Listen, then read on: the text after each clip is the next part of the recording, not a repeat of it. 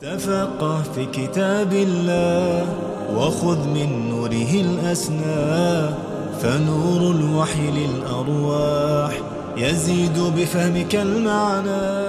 آه ننتقل إلى موضوع بلاغة القرآن. بلاغة القرآن. وطبعا هذا الموضوع مما يسأل عنه كثيرا.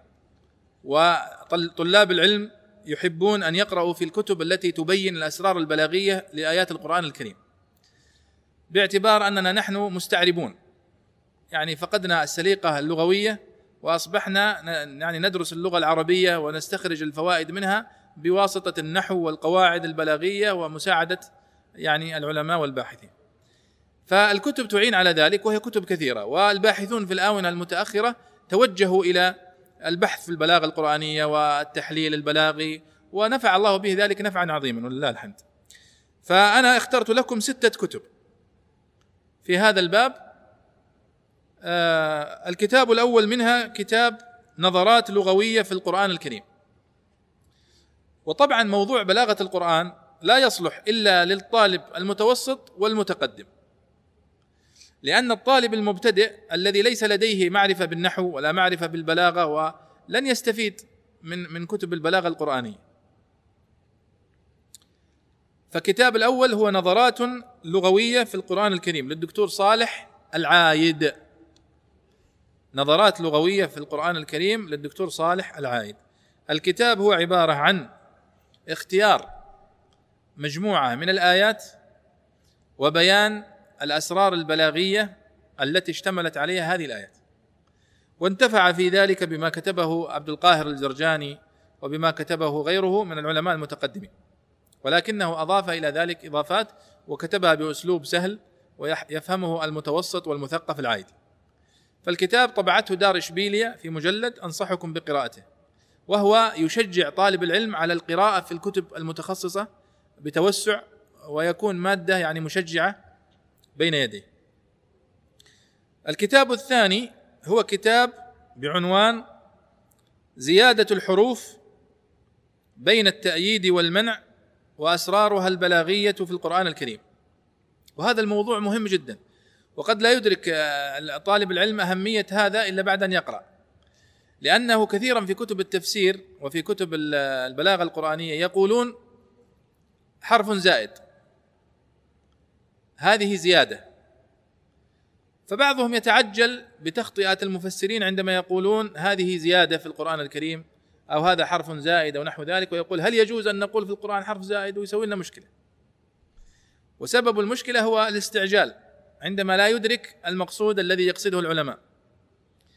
فهذا الكتاب هو رسالة علمية توقف عند موضوع زيادة الحروف ما المقصود بها عند العلماء؟ وتعبيرات العلماء فيها. ثم ما هي الأوجه البلاغية لهذه الزيادات التي يذكرها العلماء وتوجيهاتها؟ ثم يتوقف عند كل ما قيل بأنه حرف زائد ويوجهه توجيها بلاغيا ويذكر أقوال العلماء.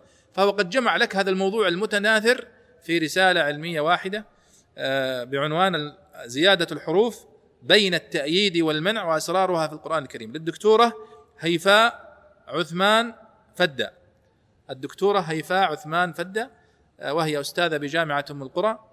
وهي رسالة علمية أشرف عليها الأستاذ الدكتور محمد محمد أبو موسى الأستاذ البلاغي المعروف والمشهور. واضح هذا مشايخ؟